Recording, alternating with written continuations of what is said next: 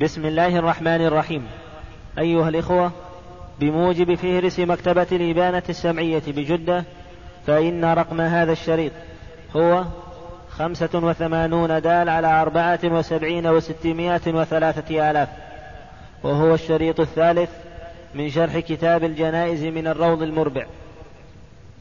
كذلك وعلى مواضع سجوده تشريفا لها يعني يجعل فيها شيء من طيب من البقية كيديه وجبهته وأنفه وركبتيه وما أشبه ذلك من مواضع السجود لأنه أشرفها وأكملها. نعم. وكذا مغابره كطي ركبتيه وتحت إبطيه وسرته لأن ابن عمر كان يتبع مغابر الميت ومرافقه بالمسك. كذلك. ويجعل أيضا شيئا من الأخلاط الطيب في مغابنه. المغابن هو طي مثل طي الركبتين. اللي هكذا. ومثل السرة ومثل آه، الأبط الإبطين. فهذه مواضع خبية وإذا جعل فيها شيء من الطيب سبب إلى حفظه. وبعد الهوام عنه ولأن ابن عمر رضي الله عنه كان يفعل ذلك. نعم. وإن طيب الميت كله فحسن لأن أنسا طلي بالمسك وطلي ابن عمر ميتا بالمسك. وطلع وطلى ابن عمر ميتا بالمسك. وإن طيب الميت كله فحسن من إلى رجليه. لأن أنس طلي بالمسك. وكذلك ابن عمر روي أنه طلع ميتا به فلا مانع. إذا تيسر وكره داخل عينيه. نعم. وأن يطيب بورس بورس وزعفران. كذلك. وكره داخل عينيه. وأن يطيب بورس أو زعفران وزعفران يعني أنه يكره أن يطيب بورس. بنفس بدنه. نفس البدن لا يطيب لا بورس ولا بزعفران. نعم. وطليه بما يمسك كصبر. نعم.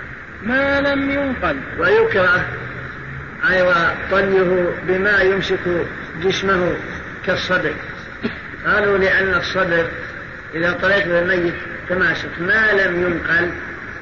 إذا كان بالينقل من بلد إلى بلد فلا مانع من أنه يطلع صدر قالوا لأنه يمسك الجسم ويمسك تقاطع اللحم ما يتفتت بل يجعله يابس ويجعل الثابت نعم. أما الآن فنترككم مع مجلس آخر من هذا الشرح. ثم يرد طرف اللفافة العليا على شقه الأيمن ويرد طرفها الآخر من فوقه ثم الثانية والثالثة كذلك ويجعل أكثر الفاضل على رأسه ثم يعقدها وتحل في القبر. وإن كفن في قميص ومئزر ولفافة جاز وتكفن المرأة في خمسة أثواب إزار وخمار وقميص ولفافتين. والواجب ثوب يستر جميعه. جانب الأيسر على شقه الأيمن ويرد طرفها الآخر من فوقه أي فوق الطرف الأيمن. بسم الله الرحمن الرحيم. قال رحمه الله تعالى هذا هو صفة التكفين.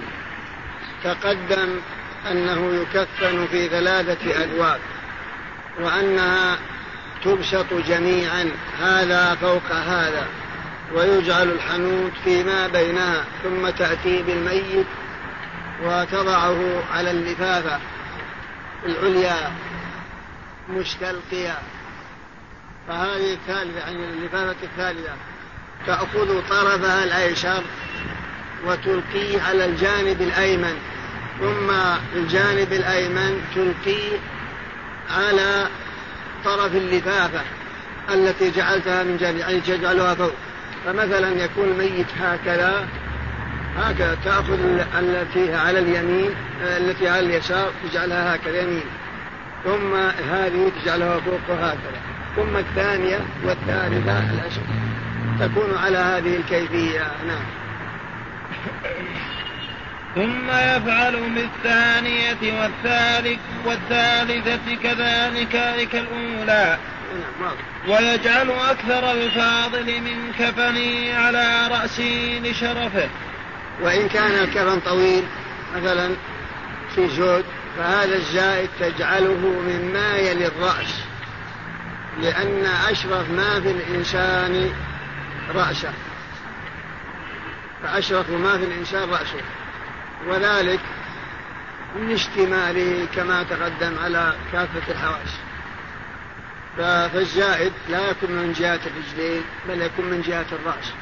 لكن الرجلين أيضا لا بد أنها تغطى بكاملها وتربط حتى لا ينتشر كما كما هو معروف نعم ويعيد الفاضل على وجهه ورجليه بعد جمعه ليصير الكفن كالكيس فلا ينتشر.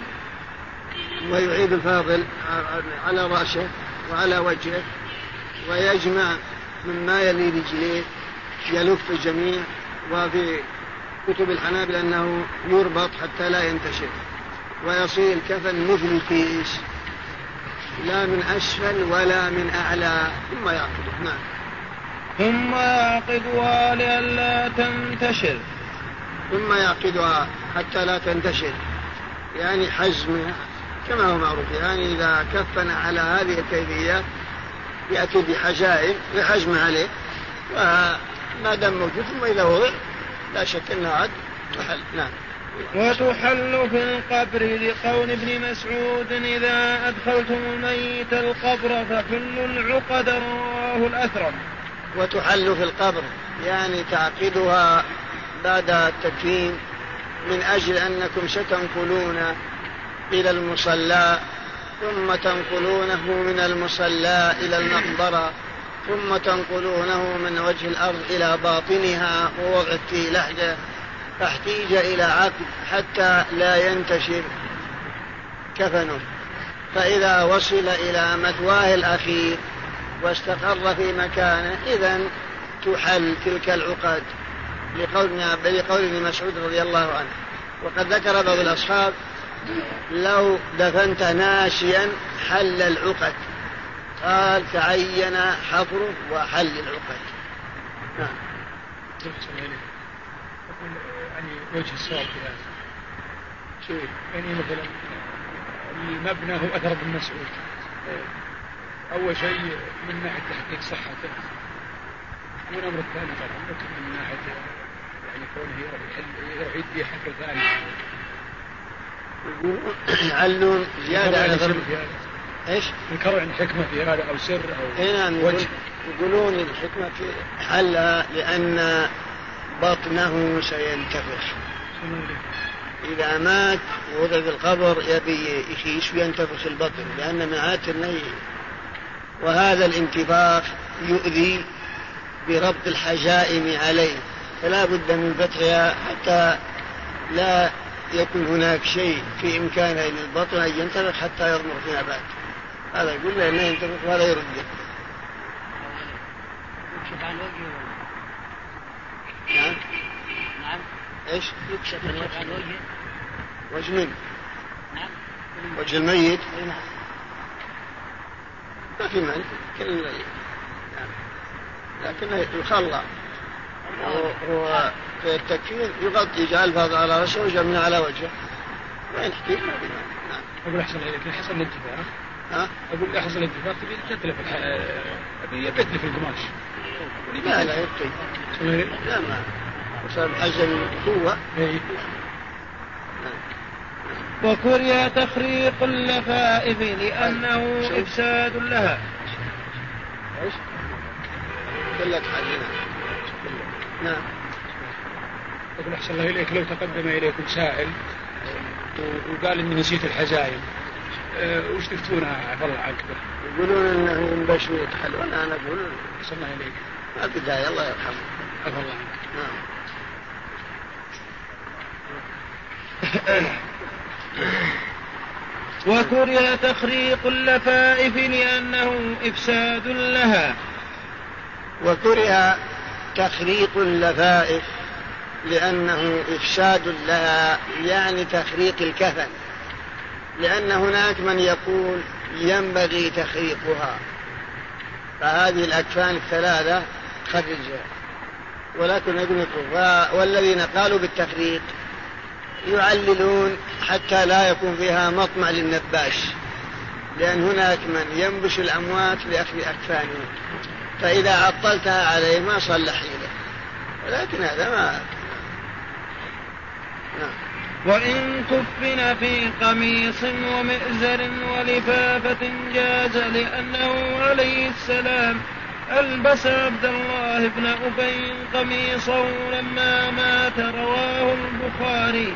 وعن عمرو بن العاص أن الميت يؤذن ويقمص ويلف بالثالثة. وهذه عادة الحي.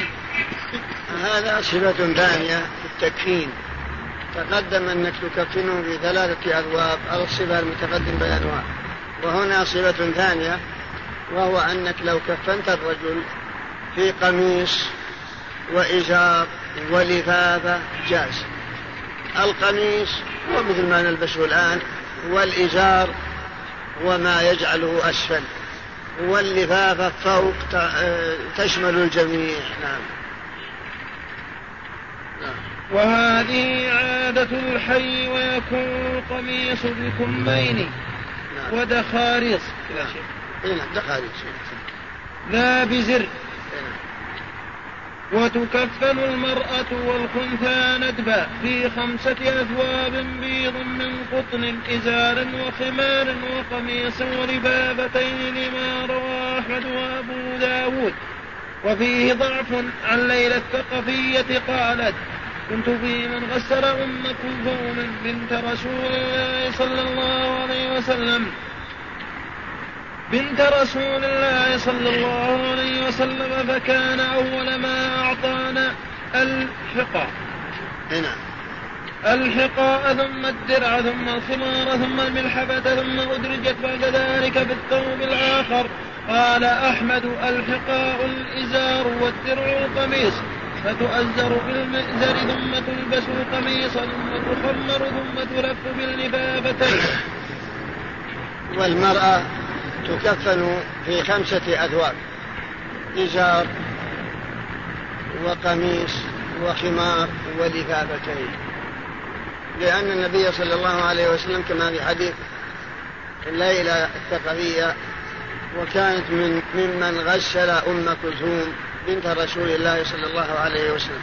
فأول ما دفع إليهم الحقا والحقو وهو الذي يلي الجلد شبه الإزار. ثم الدرع ثم الخمار وما تجعله على رأسها ثم اللبابتين. نعم. قولها ويكون القميص بالكمين ودخاريس لا بجر هذا في الرجل كمين مثل هذا.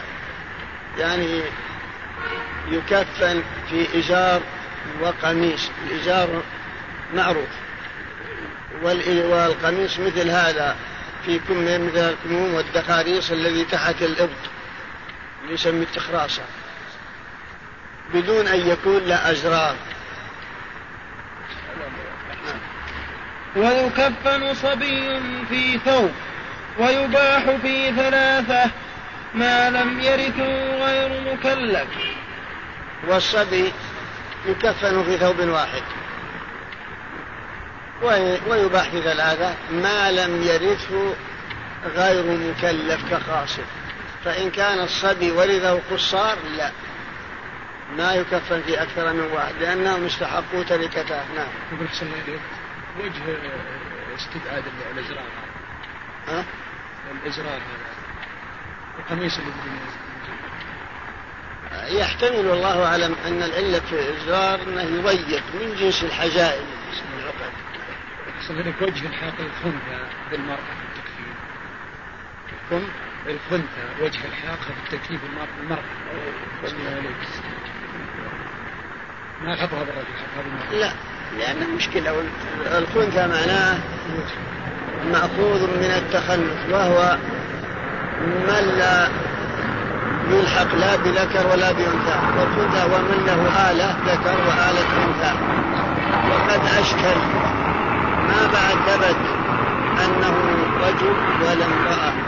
والعلامات التي تلحق بالرجل معروف مثلا وكذلك بالأنثى كما لو كان يبول مع آلة الذكر كأن يكون إنسان لا فرج امرأة وذكر إنسان. بأي شيء نلحقه؟ إن كان يبول مع الفرج قلنا أنثى وإن كان يبول مع الذكر قلنا ذكر. مثلا آه وإن كان يبول معهما نظرنا هل له ثديين أم لا؟ وهل هو يحيض أم لا؟ وهل له لحية أم ضال الشعر أم لا؟ ف... فإذا اتضح لنا شيء من صفات الذكورية الحقنا به وإن اتضح شيء من صفات الأنوثية الحقنا به وإن انبهم علينا هذا وهذا جعلناه خنثى أشكل الأمر إذا نلحقه بالمرأة من باب الاحتياط لأن خمسة ولا ثلاثة. هذا وجه. والخنثى معلوم يعني ما قاله العلماء في الفرق العلامات التي تبين ألوهيته يعني من أنه ذكر أو أنه أنثى ولا اعتبار الأشياء أخرى يعني معروف نعم. ويكفن صبي في ثوب ويباح في ثلاثة ما لم يرثه غير مكلف وصغيرة في قميص ولفافتين. والبنت الصغيرة تكفن في قميص ولفافتين. ثلاثة نعم.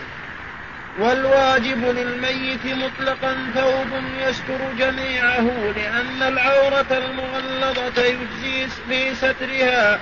يجزي في سترها ثوب واحد فكفن الميت أولى. والواجب ثوب يستر جميع البدن مطلقا يعني سواء كان الميت ذكر أو أنثى. متى ما كفناه في ثوب ستر كل بدنه سواء كان امرأة أو أنثى أو رجل هذا كافي لأن أغلظ ما في الإنسان هي العورة. هذا أغلظ ما في الإنسان. ومعلوم أنه إذا سترها صحت الصلاة وعورة الرجل معروفة وعورة المرأة. معروفة. فإذا كان يكفي ثوب واحد في الصلاة فلا أن يكفي ثوبا واحد. بعد الوفاة بطريق الأولى إذا كان شاتر للبدن كله. نعم. ويكره بصوف وشعر ويحرم بجلود. ويكره تكفينه بصوف وبشعر. لأن النبي صلى الله عليه وسلم قال كف في البياض. من خير لباسكم البياض وكفنوا فيها موتاكم. ويحرم تكفينه بالجلود لأن الرسول أمر بنزع الجلود عن قتلى أحد. نعم. ويجوز في حرير لضرورة فقط. ويجوز التكفين في حرير لضرورة فقط إذا لم يجد غيره جاز أن تكفنه بحرير وأما إذا لم تجد غيره وأما إذا وجدت غيره فلا يجوز لأنه محرم عليه في الحياة خاصة الذكر وكذلك الأنثى تكفن في بمثل ما كنا يكفن به أزواج النبي صلى الله عليه وسلم ونساء الصحابة نعم. أحسن الله إليك إذا لم يجد إلا الجلود. إلا إيش؟ إلا الجلود. ما. أحسن الله إليك يترك على حاله. حشيش. الله إليك إذا لم يجد يعني مطلقا أي شيء يستر هذا الميت إلا الجلود. الله إليك. ولا حشيش ولا شيء. ما بد ما هناك. يحتمل أن يقال بالجواز أحسن الله إليك يقول يحتمل أن يقال بالضرورة أحسن الله إليك فإن لم يجد إلا بعض ثوب ستر العورة كحال الحياة والباقي بحشيش أو ورق. وإذا لم يجد إلا قطعة صغيرة يكفن في هذا الميت يقول لا بأس كفن خصص بها العورة والباقي حشيش أو ورق ورق من أوراق الأشجار. نعم. وحرم دفن حلي وثياب غير الكفن لأنه إضاعة مال. وحرم دفن الحلي مع المرأة أو ثياب غير الكفن لأنه إفساد وإضاعة للمال. كما لو مات قريبك أو ابنك أو أمك ثم تجيب لها جولية زينة تحطها في القبر. تقول لا برشها زولي حتى هذا كلام لا يجوز لك. يكفيها تشغلها لأن هذا إضاعة مال. نعم. وحرم دفن حلي وثياب غير الكفن لأنه إضاعة مال. السن يلحق بالحلي أو ما يلحق بالسن؟ السن إذا كان من ذهب فمشرح إن كان يمكن خلعه باليد لابد من خلعه. وإذا كان أنك ثابت هذا ما يقرأ إلا مقرأة هذا ما يجوز يقرأ لأن فيه مثل الميت بل يبقى حتى يبلى. الفنوية ولحي أخذ كفن ميت لحاجة حر أو برد بثمنه وإذا وجدنا كفن لهذا الميت ولكن هناك حي محتاج مضطر إليه فنقدم حاجة الحي على هذا الميت. كما لو كان هناك برد شديد يبي الدفابة يقول انت حق بثمنه يعني. ننشأ من الميت ونعطيه محافظة على حياته أو حر أو ما أشبه ذلك نعم. أما الآن فنترككم مع مجلس آخر من هذا الشرح فصل السنة أن يقوم الإمام عند صدره وعند وسطها ويكبر أربعا يقرأ في الأولى بعد التعوذ الفاتحة ويصلي على النبي صلى الله عليه وسلم في الثانية كالتشهد ويدعو في الثالثة فيقول اللهم اغفر لحينا وميتنا وشاهدنا وغائبنا وصغيرنا وكبيرنا وذكرنا وأنثانا إنك تعلم منقلبنا ومثوانا وأنت على كل شيء قدير. اللهم من أحييته منا فاحيه على الإسلام والسنة ومن توفيته منا فتوفه عليهما. اللهم اغفر له وارحمه وعافه واعف عنه وأكرم نزله وأوسع مدخله واغسله بالماء والثلج والبرد ونقه من الذنوب والخطايا كما ينقى الثوب الأبيض من الدنس وأبدله دارا خيرا من داره وزوجا خيرا من زوجه. وادخله الجنة واعذه من عذاب القبر وعذاب النار. وافسح له في قبره ونور له فيه. رب العالمين وصلى الله وسلم على اشرف الانبياء والمرسلين نبينا محمد وعلى آله وصحبه قال رحمه الله تعالى فصل في الصلاة على الميت. تسقط بمكلف وتسن جماعة وألا تنقص وألا تنقص الصفوف عن ثلاثة. بسم الله الرحمن الرحيم. قال رحمه الله تعالى فصل في بيان أحكام الصلاة على الميت. تقدم لنا أحكام تغسيله وبعد أحكام تكفينه. وهذه أحكام الصلاة عليه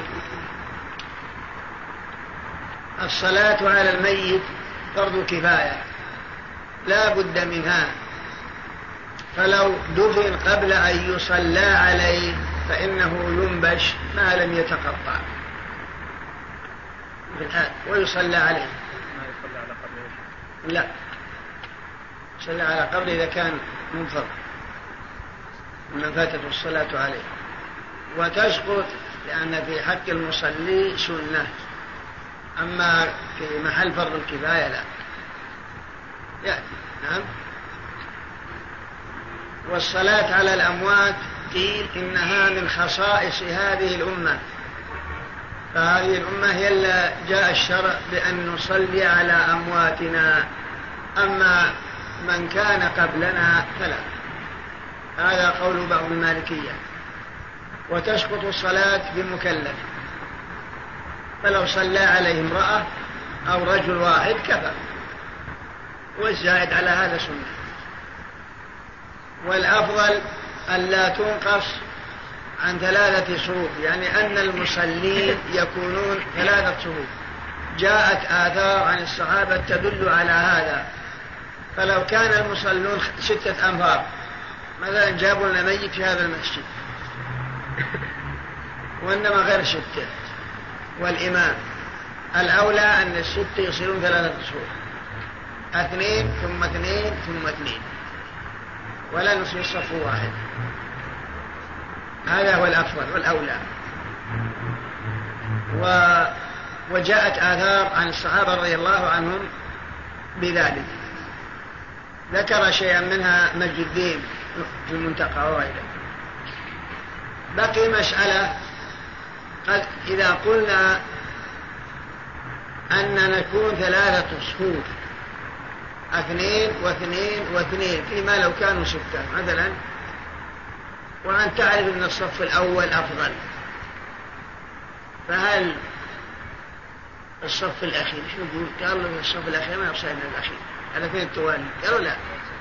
أنتم أفضل من دوري الفضيلة نقول لا كلكم في الصف الأخير من جنس الصف الأول في الفضل ما يمتاز الصف الأول على الأخير لأن المقصود جعلهم ثلاثة صفوف فلولا أنتم ستوا اثنين خلف ما صار ثلاثة. فأنتم الذين بتأخركم حصلت الفضيلة بكون المصلين ثلاثة صفوف. نعم. والسنة أن يقوم الإمام عند صدره أي صدر ذكر. نعم. وعند وسطها أي وسط أنثى والسنة أن الإمام إذا قام يصلي على الذكر يكون محاذيا لصدره. وإن كانت أنثى يكون محاذيا لوسطها. جاء في حديث شمرة في الصحيحين أن النبي صلى الله عليه وسلم صلى على امرأة ماتت في نفاشها فقام وسطها. وجاء وكذلك جاء أن النبي صلى الله عليه وسلم قام محاذيا لصدر الرجل.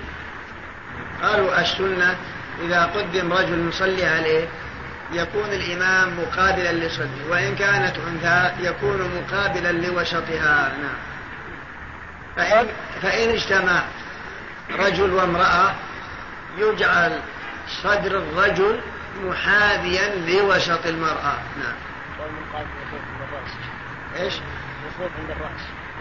جاء في جاء في بعض هذا يسمونه النبي عند الرأس. لكن الأكثر عند الوسط عند الصدر. الرجل. والخنثى بين ذلك. نعم. يعني بين الصدر والوسط إيه، نعم. والأولى بها وصيه العدل فسيد برقيقه فالسلطان فنائبه الأمير فالحاكم. فالأولى بالصلاة على الميت وصيه العدل. إذا قال يصلي علي فلان وعدل فهو الأولى بالصلاة عليه. كما أوصت عائشة بأن الذي يصلي عليها أبو هريرة رضي الله عنه. و... وكثير من الصحابة أوصوا بأناس معينين. وكذلك إن كان رقيق الميت فأولى به سيده. ثم بعد الوصي السلطان ثم نائبه وهو الأمير ثم القاضي. في هذا الأمير مقدم على القاضي وكل منهم نائب الإمام. الأمير نائب الإمام والقاضي نائب الإمام. لكن في هنا قدموا الأمير لو مثلا قال لو مات إنسان قدموا يصلي عليه.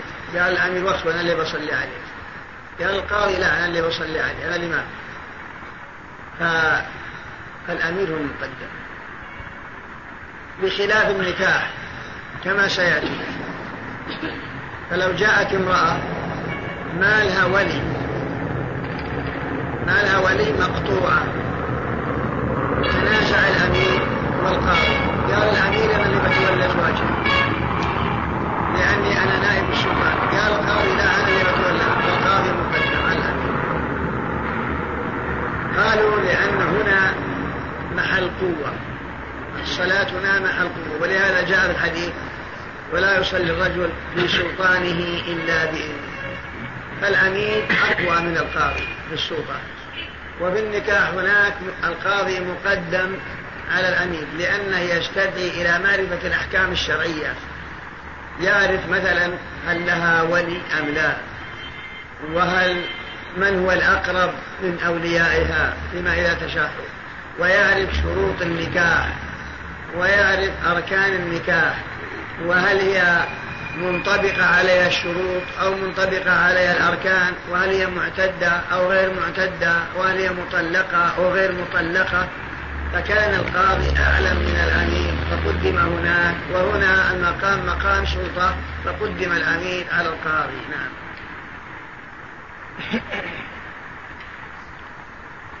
نعم. فالأولى بغسل رجل فزوج فالأولى بغسل رجل فزوج بعد ذوي الأرحام ومن قدمه ولي بمنزلته إلى من قدمه وصي. نعم. وإذا اجتمعت جنائز قدم إلى الإمام أفضلها وتقدم وتقدم. كذلك.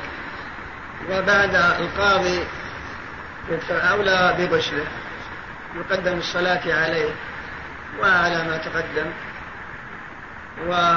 وإذا اجتمع جنائز يقدم الأفضل وقد تقدم بيانه ولكن سيأتي أن الرجل مقدم على المرأة. نعم هو أفضل من المرأة لأن الرجل أفضل من المرأة. فإذا تقدم فإذا كان هناك رجال لكن بعضهم أفضل من بعض خمسة مثلا أو ثلاثة شر جميل. فنقدم إلى الإمام الذي يلي الإمام هو الأفضل. ثم الذي خلفه ثم هكذا على ترتيبه. الأفضلية نعم. فأسن كان المرأة. الله عنك. كان المرأة تعرف بالتقى أكثر من الرجل إيش؟ كان المرأة تعرف بالتقى أكثر من الرجل. الرجل أفضل من المرأة. إلا أن يكون فاشق إن الرجل أفضل من المرأة. نعم. فأسن فأسبق ويقرأ الله سبحانه وتعالى جعل شهادة بمنزلة شاهد شاهد المرأة بنص على النصف من شهادة الرجل. والميراث على النصف من شهادة الرجل. على النصف من ميراث الرجل. والعتق أيضا عتق الأمة على النصف من عتق العبد. والعقيقة على النصف من من الذكر. والله يقول الرجال قوامون على النساء بما فضل الله بعضهم على بعض. نعم. شيخ يجتمع إيش؟ يجتمع فاسق وتقي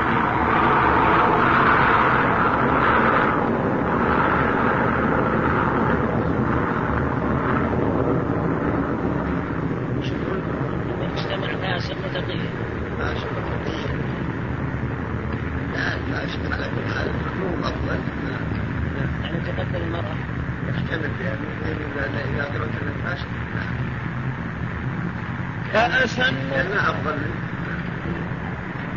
فأسن فأسبق ويقرأ مع التساوي. نعم كل هذا متعلق ماشي كل هذا كما كم العبارات مرتبط بعضها ببعض. وجمعهم بصلاة أفضل.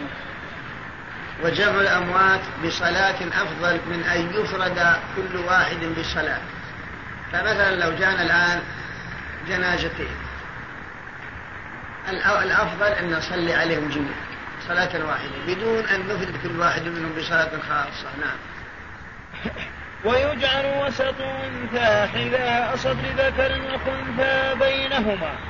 ويجعل وسط المرأة محاذيا لصدر الرجل. وإن كان هناك أنثى فتكون بينهم لأن موقف الإمام من من الخنثى بين الصدر والوسط نعم. ويكبر أربعا لتكبير النبي صلى الله عليه وسلم على النجاشي أربعة متفق عليه. نعم.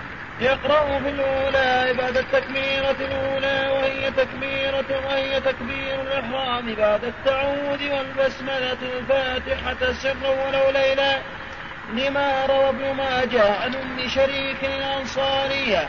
قالت أمرنا رسول الله صلى الله عليه وسلم أن نقرأ الجنازة بفاتحة الكتاب ولا نستفتح ولا نقرأ سورة معها. يكبر الإمام أربع تكبيرات وهو واقف يقرأ في الأولى بفاتحة الكتاب بعد التعوذ والبسملة ولا يستفتح. أي إذا قمت تصلي على الجنازة لا يشرع أن تقول سبحانك اللهم وبحمدك لعدم وروده وإنما هذا خاص بالفرائض والنوافل. الصلاة المعهودة أما الميت لا. كذلك يقرأ الفاتحة سرا كما عليه العمل اليوم. وإن ثم لو جهر بها لا بأس. فقد جاء عن عباس رضي الله عنه أنه صلى على الجنازة فجهر بالفاتحة وقال لتعلموا أنها سنة.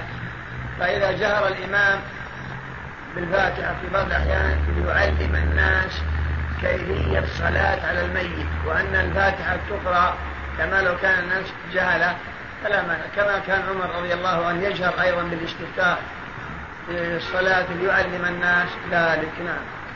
لو جهر الإمام هل يقرأ المأموم أو يسكت؟ ها؟ لو جهر الإمام. هل يقرأ؟ المأموم أم يسكت؟ لا يقرأ.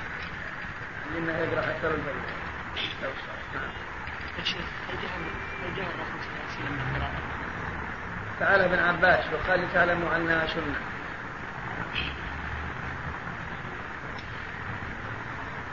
قوله ولا في حديث ابن شريف ولا نقرأ سورة المعارف يعني أنه يقتصر على الفاتحة. لا يقرأ مثلا قل هو الله أحد بعدها. ويصلي على النبي صلى الله عليه وسلم في أي بعد التكبيرة الثانية كالصلاة بالتشهد الأخير لما روى الشافعي وعن أبي أمامة بن سهل. أنه أخبره رجل من أصحاب النبي صلى الله عليه وسلم أن السنة في الصلاة على الجنازة أن يكبر الإمام. ثم يقرأ بفاتحة الكتاب بعد التكبيرة الأولى سرا في نفسه. ثم يصلي على النبي صلى الله عليه وسلم ويخلص الدعاء للميت ثم يسلم. وفي التكبيرة الثانية يصلي على النبي صلى الله عليه وسلم كالتشهد. فإذا قرأ كبر وقرأ الفاتحة كبر ثانية وقرأ وقال اللهم صل على محمد وعلى آل محمد إلى آخره نعم.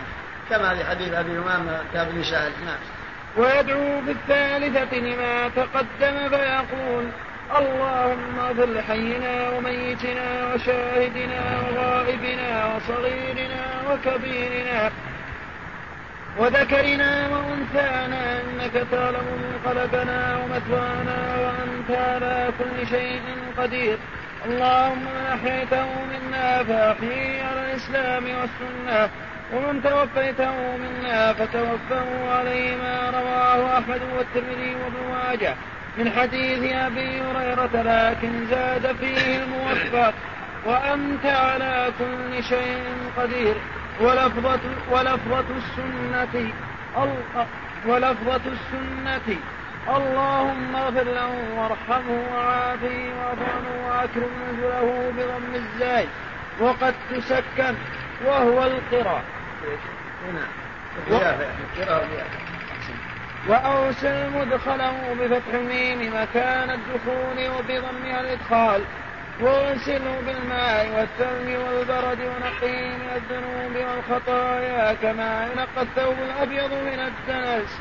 وأبدل دارا خيرا من داري وزوجا خيرا من زوجه وأدخل الجنة وأعذ من عذاب القبر وعذاب النار.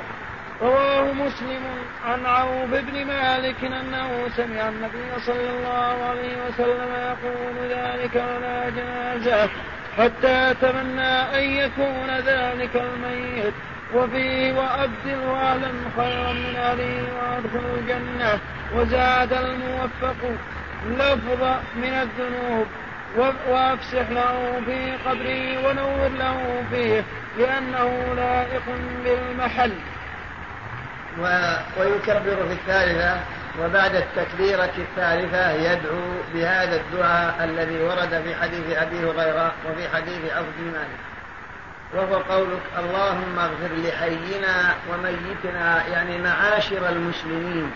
اللهم اغفر الغفر مأخوذ من الغفر وهو الستر. تقول غفرت الحب إذا سترته بالتراب. والمعنى استر الذنوب والعيوب التي ارتكبناها التي ارتكبناها. وارتكبها هذا الميت الذي نصلي عليه. وسيخص بالدعاء لكن هذا تعميم وإلا الميت سيخص بدعاء خاص. اللهم اغفر لحينا ومعنى وكثير مما يجي في القرآن وبالسنة مثل قوله تعالى اغفر لنا وارحمنا أنت مولانا فانصرنا على القوم الكافرين. فقد تقول إيش الفارق بين المغفرة والرحمة؟ هنا اللهم اغفر ولا في رحمة ما في شيء. والقرآن كثيرا مما يأتي بالغفران بطلب الغفران وطلب الرحمة. فهل هنا فارق؟ وأنا وقد تقول نجد بعض المؤلفين يقولون في كتبهم يصدرون كتب يقول اعلم رحمك الله. بس ولم يقولوا اعلم غفر الله لك. ومنها اللهم اغفر لحينا. قالوا إنما هو أمر جرى على اللسان أم هناك شيء؟ نقول لك لا بل هناك شيء. إيش هو؟ الغفران هو غفران ما مضى من الذنوب. هذا يسمى غفران. غفر الله لك أي لما مضى من ذنوبك والرحمة لما سيحدث أيضا من من الذنوب المستقبلة. الغفران خاص بالذنوب الماضية. فقط. وأما الرحمة في آم تشمل حتى الذنوب التي لم تقع وستقع بأن الله يرحمك إما أن يحفظك من هذه الذنوب التي سترتكبها أن ألا, ألا تعملها وإن عملتها أن الله يرحمك بالتجاوز عنها. فقل اغفر لنا يعني لما مضى من الذنوب وارحمنا لما يقع منا في المستقبل.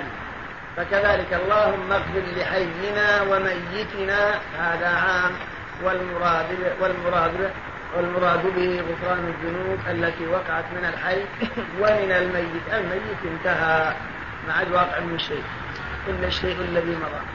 اللهم اغفر لحينا وميتنا وصغيرنا وكبيرنا.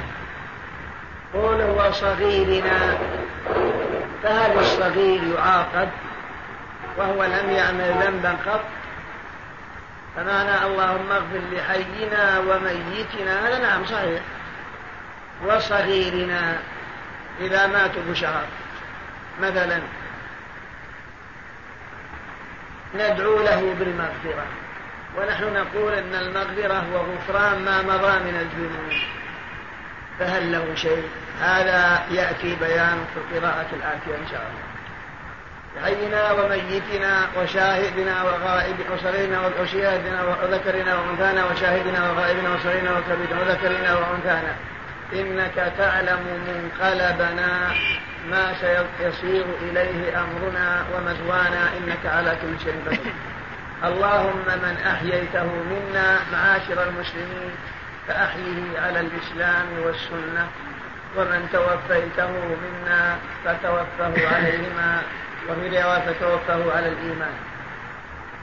فمعنى اللهم من أحيته منا فأحيه على الإسلام فإن الإسلام هو دين الرسل من أولهم إلى آخرهم.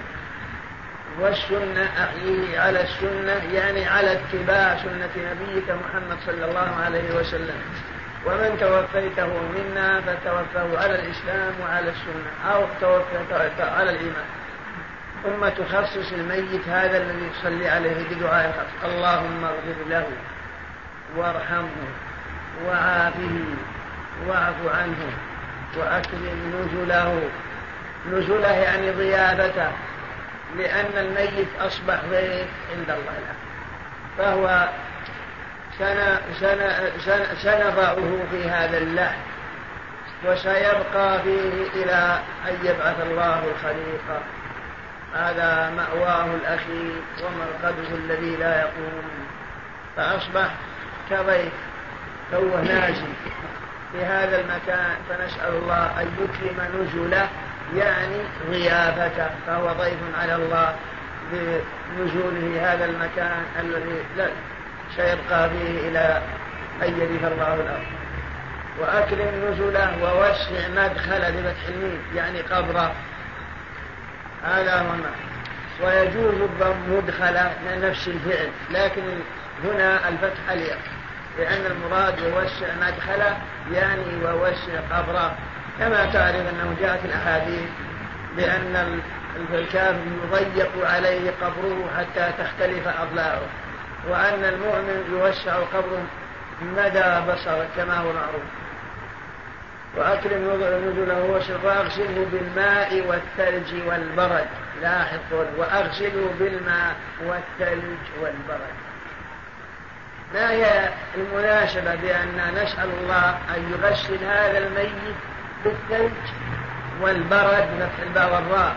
الذي هو ماء جامد وثلج بدلا جهة مع الماء. الحكمة في هذا والله أعلم. قالوا إن الذنوب هي من جنس الضوء من جنس النار.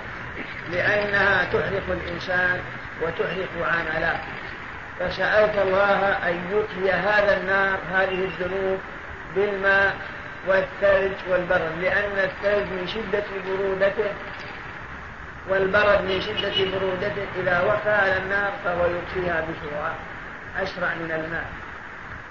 فالماء الثلج عندما يقع على النار الملتهبة فهو يطفيها بسرعة. طيب عنده أم وجدة وماله يتسع للإنفاق على الأم فهو ينفق عليها ولكن لا يتسع للإنفاق على جدته. فهل يجوز أن يعطيها من الزكاة؟ نعم. المذهب لا يجوز. المذهب لا يجوز. طيب وش نسوي؟ يرزقها الله زكاة من غيره. وهذا ضعيف جدا. قال النبي عليه الصلاة والسلام صدقتك على ذي القرابة صدقة وصلة. وأنا الآن لا أدفع عن نفسي أو لا أسقط عن نفسي واجبا حتى يقال إني حبيت نفسي. طيب لو كان غنيا ينفق على أبيه وأبوه مستغن إما بنفسه أو بإنفاق ولده لكن عليه دين يستطيع الولد أن يؤدي الدين.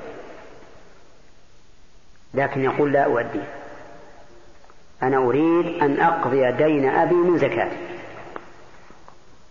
هل يجوز؟ يجوز. يجوز. لماذا؟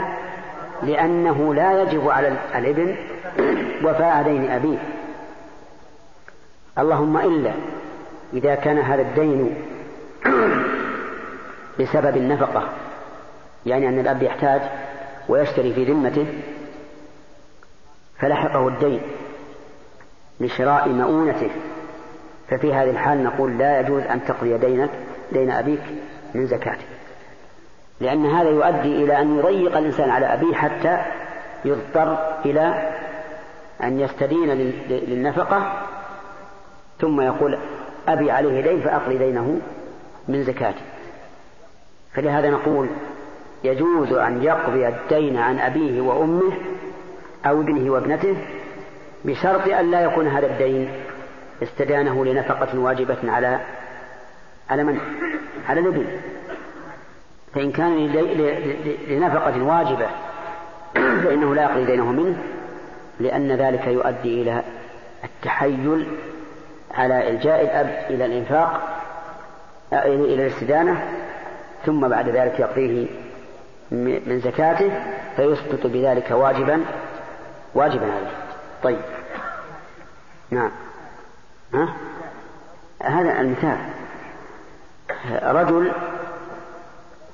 أبوه فقير لكنه الابن غني وعنده زكاة والابن والأب يحتاج ويشتري بذمته لنفقته. فجاء إلى الابن وقال اقضي ديني. فهنا لا يقضي دينه من زكاته لأن هذا الدين إنما لحق الأب بإيش؟ بالنفقة والنفقة واجبة على الابن. أما لو أن الأب لحقه دين بسبب جائحة اجتاحت ماله أو حادث عليه أو ما أشبه ذلك فهنا يجوز أن يقضي الدين من زكاة دين أبيه من زكاة لأنه لا يلزمه وفاء وفاء الدين عن أبيه. نعم.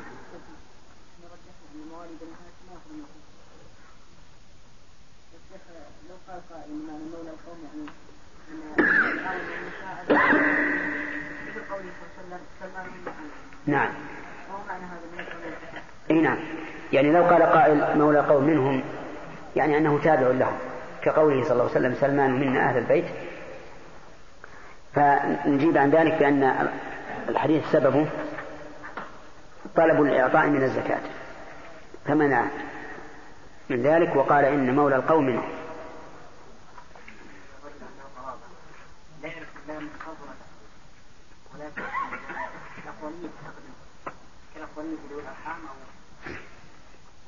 ما فهمت. يعني يريد أن ينفق عليهم؟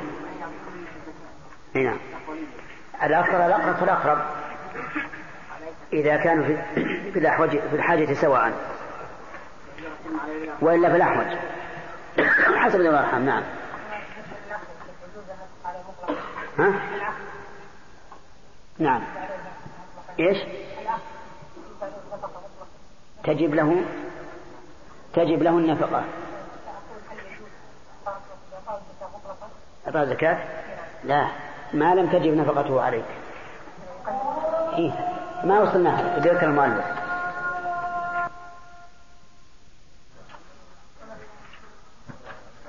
ولا إلى عبد وزوج وإن أعطاها لمن ظنه غير أهل فبان أهلا أو بالعكس لم يجزه إلا لغني ظنه فقيرا. وصدقة التطوع مستحبة وفي رمضان وأوقات الحاجات أفضل. أفضل وتسن بالفاضل عن كفايته ومن يمونه ويأثم بمن ينقصها بما؟ ويأثم؟ ويأثم بما ينقصها. لا بما ينقصها. من نقص أنقص ما فيه في اللغة العربية ينقص. بسم الله الرحمن الرحيم. الحمد لله رب العالمين وصلى الله وسلم على نبينا محمد وعلى آله وأصحابه ومن تبعهم بإحسان إلى يوم الدين. ما حكم دفع الزكاة إلى بني هاشم؟ محمد. ما الدليل؟ قول النبي صلى الله عليه وسلم إنها لا تحل ال محمد انما هي الناس وبنو هاشم من آل محمد. طيب.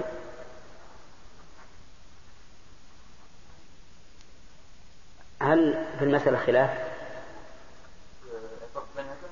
نعم. بالنسبة للفريضة ها؟ بالنسبة لزكاة الفريضة؟ هي زكاة زكاة كلامنا بالزكاة نعم.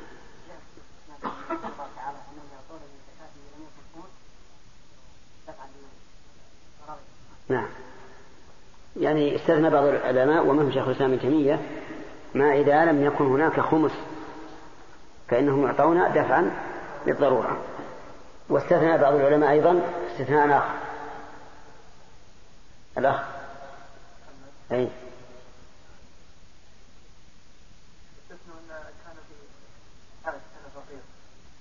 نعم. زكاة الهاشمي لهاشمي مثله. فقالوا إنه لا بأس. طيب. آه، بعض العلماء استثنى ما إذا كان غازيا أو غارما لإصلاح ذات البين أو من المؤلفة قلوبهم يقول لأن الغازي لا يعطى لحاجته ولكن للحاجة إليه.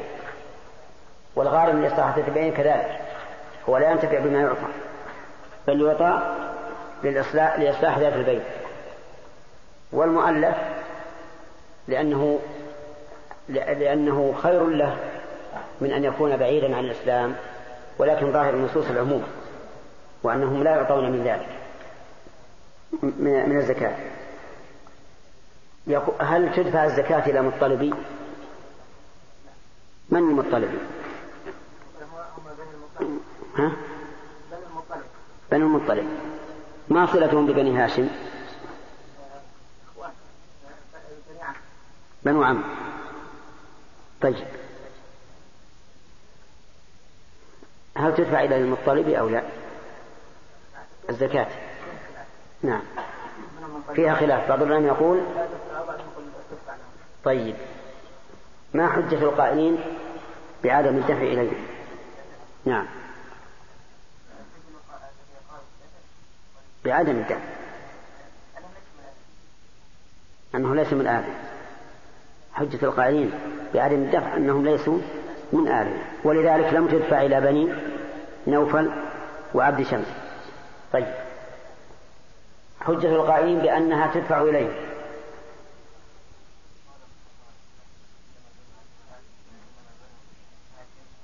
أنها لا أنها لا تدفع إليهم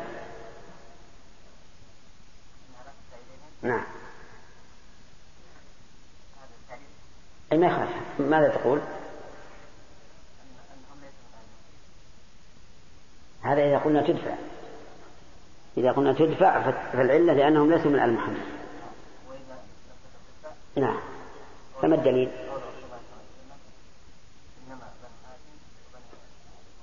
وبنو المطلب. وبنو المطلب. ما هو عاد المطلب؟ طيب. هذا واحد. تعليل.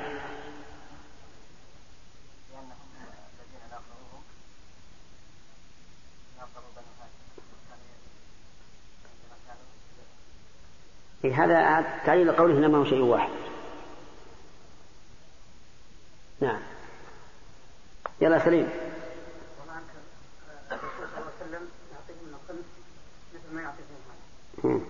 تمام.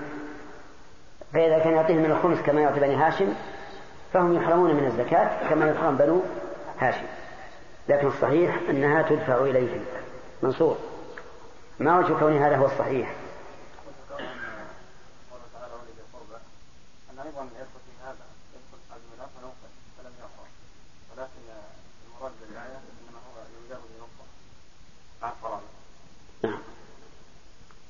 الدليل على أنهم يعطون من الزكاة لا أنهم يعطون من الخمس لعموم لعموم الأدلة إنما الصدقات للفقراء والمساكين يدخل فيها بنو المطلب. هاشمي أعتق عبدا يا هداية الله. أعتق عبدا فهل هاشمي أعتق عبدا فهل يجوز أن نعطي هذا العتيق من الزكاة؟ لا لأنه من موالي بني هاشم. تمام. طيب. هل تجوز دفع الزكاة إلى الأب؟ عبد الله. الأحمدي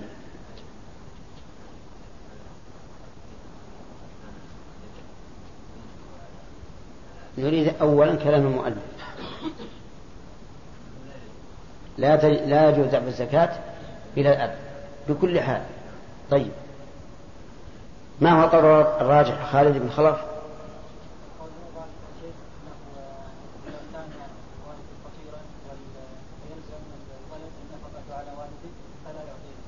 لا نريد قاعدة عامة. إحنا ذكرنا حول هذا الموضوع قاعدة عامة.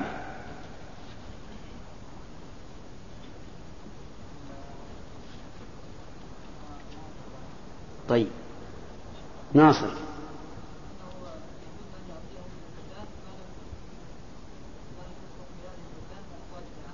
أحسنت. أنه إن أسقط بدافع الزكاة واجبا عليه منع.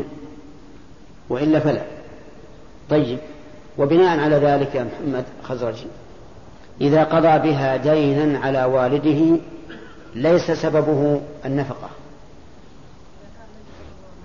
نعم. يجوز. لأنه لأنه فقير.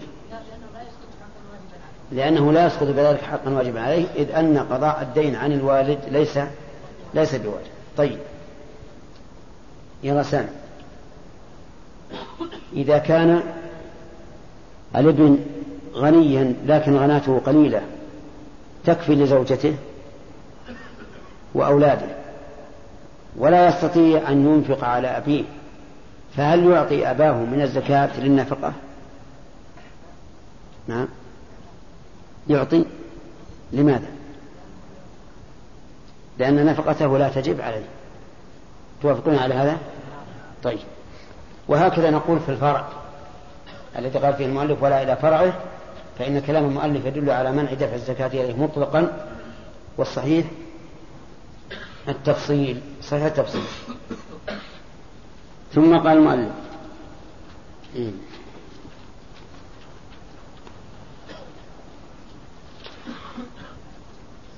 إلى عبد هذه.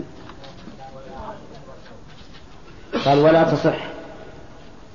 يعني بدأ درس اليوم. قال المؤلف رحمه الله في ابتداء درس الليلة قال ولا إلى زوج. ولا إلى زوج. عبد إيه نعم. ولا إلى عبد. يعني لا تدفع الزكاة إلى العبد. لأن لأن العبد إذا أعطيناه الزكاة انتقل ملك الزكاة فورا إلى سيده فإن مال العبد ملك لسيده فلا يجوز أن نعطي العبد لأنه لا يملك وملكه لسيده. لكن يستثنى من هذا يستثنى من هذا المكاتب فقد سبق أن المكاتبين من إيش؟ من أهل الزكاة داخلون في قوله تعالى وفي الرقاب. فيعطى المكاتب ما يقضي به دين الكتابة. ولكن نسأل هل المكاتب عبد؟ الجواب نعم هو عبد. حتى يؤدي فيعتق. وأظن المكاتب معلوما لكم هو أن يشتري العبد نفسه من سيده بثمن مؤجل. فيعطى هذا العبد الذي اشترى نفسه من سيده ما يوفي سيده ليعتق. فهو قبل أن يؤدي عبد. ولهذا جاء في الحديث المكاتب عبد ما بقي عليه من كتابته درهم. المكاتب عبد ما بقي عليه من كتابته درهم. طيب واستثنى بعض العلماء أيضا ما إذا كان عاملا على الزكاة. فإنه يعطى لعمالته كما لو كان أجيرا. ومعلوم أنه يصح أن يستأجر العبد من سيده فيصح أن يجعل عاملا في الزكاة بإذن بإذن سيده. إذا يستثنى من ذلك مسألتان المسألة الأولى المكاتب والثانية العامل لأنه كأجير والعبد يجوز أن يستأجر بإذن سيده. قال ولا إلى زوج.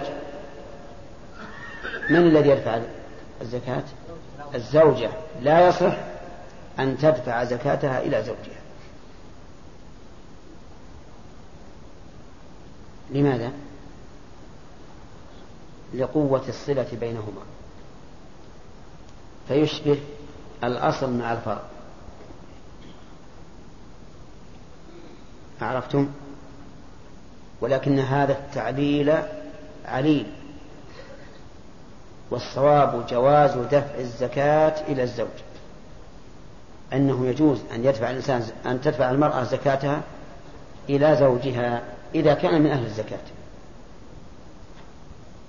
فلو فرضنا أن امرأة موظفة وعندها مال وزوجها فقير محتاج إما أنه مدين أو أنه ينفق على أولاده أو ما أشبه ذلك فللزوجة أن إيش؟ أن تؤدي زكاتها إليه. وقولنا أو لأنه ينفق على أولاده المراد بأولاده من غيرها لأن أولاده منها إذا كان أبوهم فقيرا يلزمها أن تنفق عليهم لأنهم أولادها. لكن إذا كان له أولاد من غيرها وهو فقير فللزوجة أن تعطي زكاتها لهذا الزوج. وربما يستدل لذلك بحديث زينب امرأة عبد الله بن مسعود أن النبي صلى الله عليه وآله وسلم حث على الصدقة فقال ابن مسعود أعطيني وأولادي أنا أحق من تصدقت عليه فقالت لا حتى أسأل النبي صلى الله عليه وسلم. فسألت النبي صلى الله عليه وسلم فقال صدق عبد الله زوجك وولدك أحق من تصدقت عليهم فيمكن أن يقال أن قول من تصدقت عليهم يشمل الفريضة والنافلة وعلى كل حال إن كان في الحديث الدليل فهو خير وإن قيل إنه خاص بصدقة التطوع فإننا نقول في تقرير جواز دفع الزكاة إلى الزوج الزوج فقير ففيه الوصف الذي يستحق به من الزكاة. فأين الدليل على المانع؟ لأنه إذا وجد السبب ثبت الحكم إلا بدليل. وليس هناك دليل لا من القرآن ولا من السنة على أن المرأة لا تتبع زكاتها لزوجها. أفهمتم؟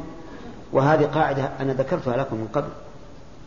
الأصل في من ينطبق عليه وصف الاستحقاق أنه مستحق وتجزئ الزكاة لي إلا بدليل. ولا نعلم مانع من ذلك إلا من كان إذا أعطاها أسقط عن نفسه بذلك. إيش؟ واجب. طيب. وهل يجوز أن يعطي الزوج زوجته من زكاته؟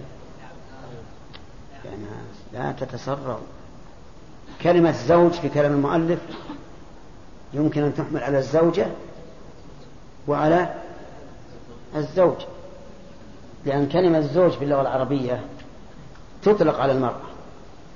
وعن عائشة إيه؟ زوج النبي صلى الله عليه وآله وسلم. فيمكن أن يقال إنها تجزي أي تجزئ الزكاة إذا دفعها إلى زوجته. على على ما اخترناه أما على المذهب فلا تجزي يعني على المذهب لا يجوز أن يدفع الزوج زكاته إلى زوجته لقوة الصلة والرابطة. ولكن القول الراجح أنه يجوز أن يدفع الزكاة إلى زوجته بشرط. قولوا. أن لا يسقط به حقا واجبا عليه وعليه فإذا أعطاها من زكاته للنفقة لتشتري ثوبا لتشتري طعاما فإن ذلك لا يجزي. وإن أعطاها لقضاء دين عليها. فإن ذلك يجزي لأنه لأن قضاء الدين عن زوجته لا يلزمه. ثم قال المؤلف وإن أعطاها لمن ظنه غير أهل فبان أهلا أو بالعكس بأن أعطاها لمن ظنه غير أهل فبان أهلا. لم يجزه أو لم تجزئه. إن أعطاها لمن ظنه غير أهل فبان أهلا فإنها لا تجزئه. لأنه حين دفعها يعتقد أنها وضعت في غير موضعها ولأنه متلاعب. كيف يعطي زكاته لشخص يظنه غنيا؟ ثم بعد ذلك يتبين أنه فقير. كيف نقول تجزئه؟ لا تجزئه. لا تجزئه. لأنه حين دفعها يعتقد أنها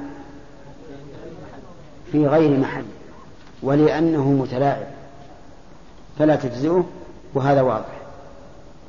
بالعكس أعطاها لمن ظنه أهلا فبان غير أهل فلا تجزئه أيضا.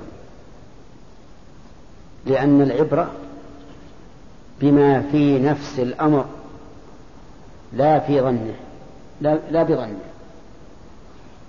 مثاله أعطى رجلا يظنه غارما فبان أنه غير غارم. فإنها لا تجزي لماذا؟ لأن العبرة بما في نفس الأمر يعني بالواقع. والواقع أنه غير أهل. أعطاها لشخص يظنه ابن سبيل. فتبين أنه غير ابن سبيل مواطن. فإنها لا تجزئه. أعطاها لقريب.